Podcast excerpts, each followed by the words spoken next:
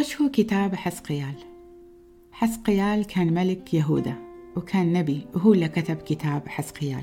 يحتوي هذا الكتاب على نبوءات وأحداث صارت خلال ملكه. وحسقيال سوى إصلاحات دينية ومن الأشياء اللي سواها إنه هدم الأصنام وأعاد تأسيس العبادة الصحيحة لله الحي إله اليهود. وحسقيال كان مثال للملك الصالح في الكتاب المقدس.